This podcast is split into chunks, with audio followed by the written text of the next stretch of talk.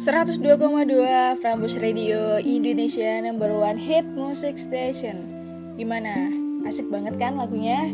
The Chainsmokers emang selalu berhasil ya Bikin lagu yang ear catchy Oke, move on dari The Chainsmokers Sekarang kita masuk ke segmen berita Ada apa sih selama seminggu kemarin? Um, let's check this out yang pertama datang dari Dusun Dlopo, Desa Kepel, Kecamatan Ngetos, Kabupaten Nganjuk, Jawa Timur.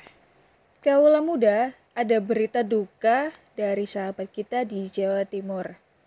Kemarin jam 2 siang telah terjadi longsor di Dusun Dlopo, Desa Kepel, Kecamatan Ngetos, Kabupaten Nganjuk, Jawa Timur.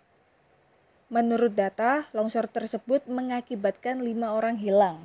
Berdasarkan keterangan Kapus Datinmas BNPB Sutopo Purwonugroho, satu korban telah ditemukan tertimbun reruntuhan. Korban bernama Paidi, 55 tahun, warga Dusun Jati, Desa Blongko. Sedangkan, empat korban lainnya masih dalam tahap pencarian.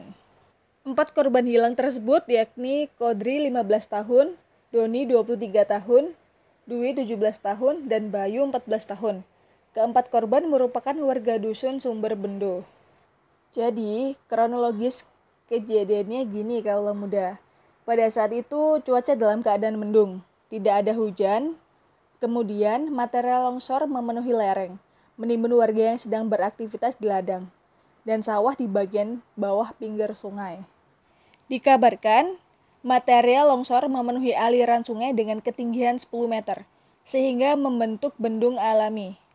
Baru pada jam 5 sore sungai bisa kembali mengalir.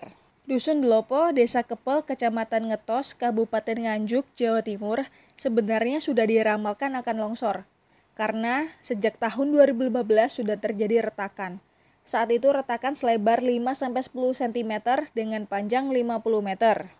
Retakan tersebut makin meluas pada awal 2016, yaitu mencapai 20 cm dan panjang 200 meter.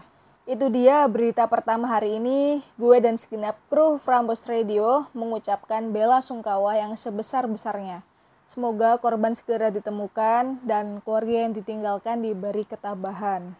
Buat kaula muda, tetap waspada dan berhati-hati ya.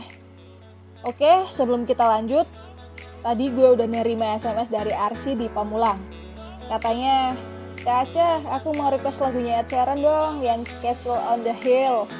Terus mau kirim salam buat teman-teman aku di SMAN 6 Tangsel. Semangat ya buat yang mau ikut SBM. Oke, langsung aja ini dia Castle on the Hill buat Arsi dan teman-temannya di Pamulang. Enjoy. When I was six years old, I broke my leg. I was running from my brother and his When you need a ride the Twin Spins area. Twin Pins Transit in the way to go. Twin Pins Transit offer convenient service daily to anyone who needs a ride. From Little Pins Village to Big Pins Township. Find out why more people are using Twin Pins Transit for shopping, work medical appointment, community college, class, and even area recreation. Visit Twin Pins Transit ORG today or call 0987 6543210. Twin Pines Transit is the way to go. Halo selamat pagi teman-teman semua Balik lagi sama aku Putri Anggreni Kali ini kita kedatangan tamu Yaitu Mas Billy Boen Halo Mas Billy Boen, selamat siang Apa kabar? Ini para peserta The Millennials 2 pasti ingin tahu lebih jauh tentang YOT. Apa sih singkatan dari YOT itu? Latar belakang Mas Billy Bowen untuk bisa mencapai posisi sekarang gimana sih? Apalagi Mas Billy Bowen terbilang cukup atau bahkan masih muda. Seperti latar belakang pendidikan dan pengalaman dari pekerjaan sebelumnya. Boleh diceritakan Mas kepada kami? Sebelum membahas lebih jauh mengenai Young on Top, apa alasan Mas Billy banting setir dari profesional menjadi entrepreneur? Nah, Young on Top ini berdiri sejak kapan sih? Dan apa alasan yang menginspirasi Mas Billy Bowen mendirikan Young on Top? Mas Billy, Young on Top identik dengan anak muda. Kenapa harus anak muda? Apa ada alasan tersendiri mengenai anak muda? sebelum masuk ke tema acara, apa sih visi dari Young on Top ini? Mas Billy, kegiatan apa saja yang dilakukan Young on Top untuk mencapai visi tersebut? Young on Top juga ada namanya YOT Kampus Ambassador dan YOT di setiap daerah ya.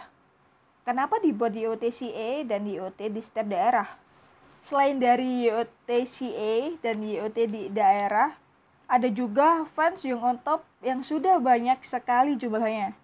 Kalau kita boleh tahu berapa jumlahnya dan bagaimana cara Young on membangun hubungan dengan para Yoters? Pertanyaan terakhir nih mas. Bagaimana cara mendaftarkan diri sebagai Yoters? Dan apa sih benefit yang kita dapatkan setelah menjadi Yoters? Menarik sekali ya kita kan dapat menyadari jika zaman now ini merupakan era fuka di mana perubahan menjadi dengan cepat baik di bidang teknologi dan banyak hal lainnya. Apa yang dilakukan Young on Top agar tetap bisa bertahan di era perubahan yang sangat cepat ini? Teknologi apa saja yang sudah digunakan Young on Top saat ini? Tantangan apa saja yang dihadapi oleh Young on Top di tahun ini? Lalu, strategi apa yang akan dilakukan Young on Top di tahun ke depan? Apakah ada tips dan trik bagi kita seluruh pendengar talk show ini? Mental dan sikap apa yang harus kita miliki untuk menghadapi tahun 2021? Kita akan dengarkan semua nanti. Langsung dari Billy Bond, founder Young on Top. Jangan ke mana-mana.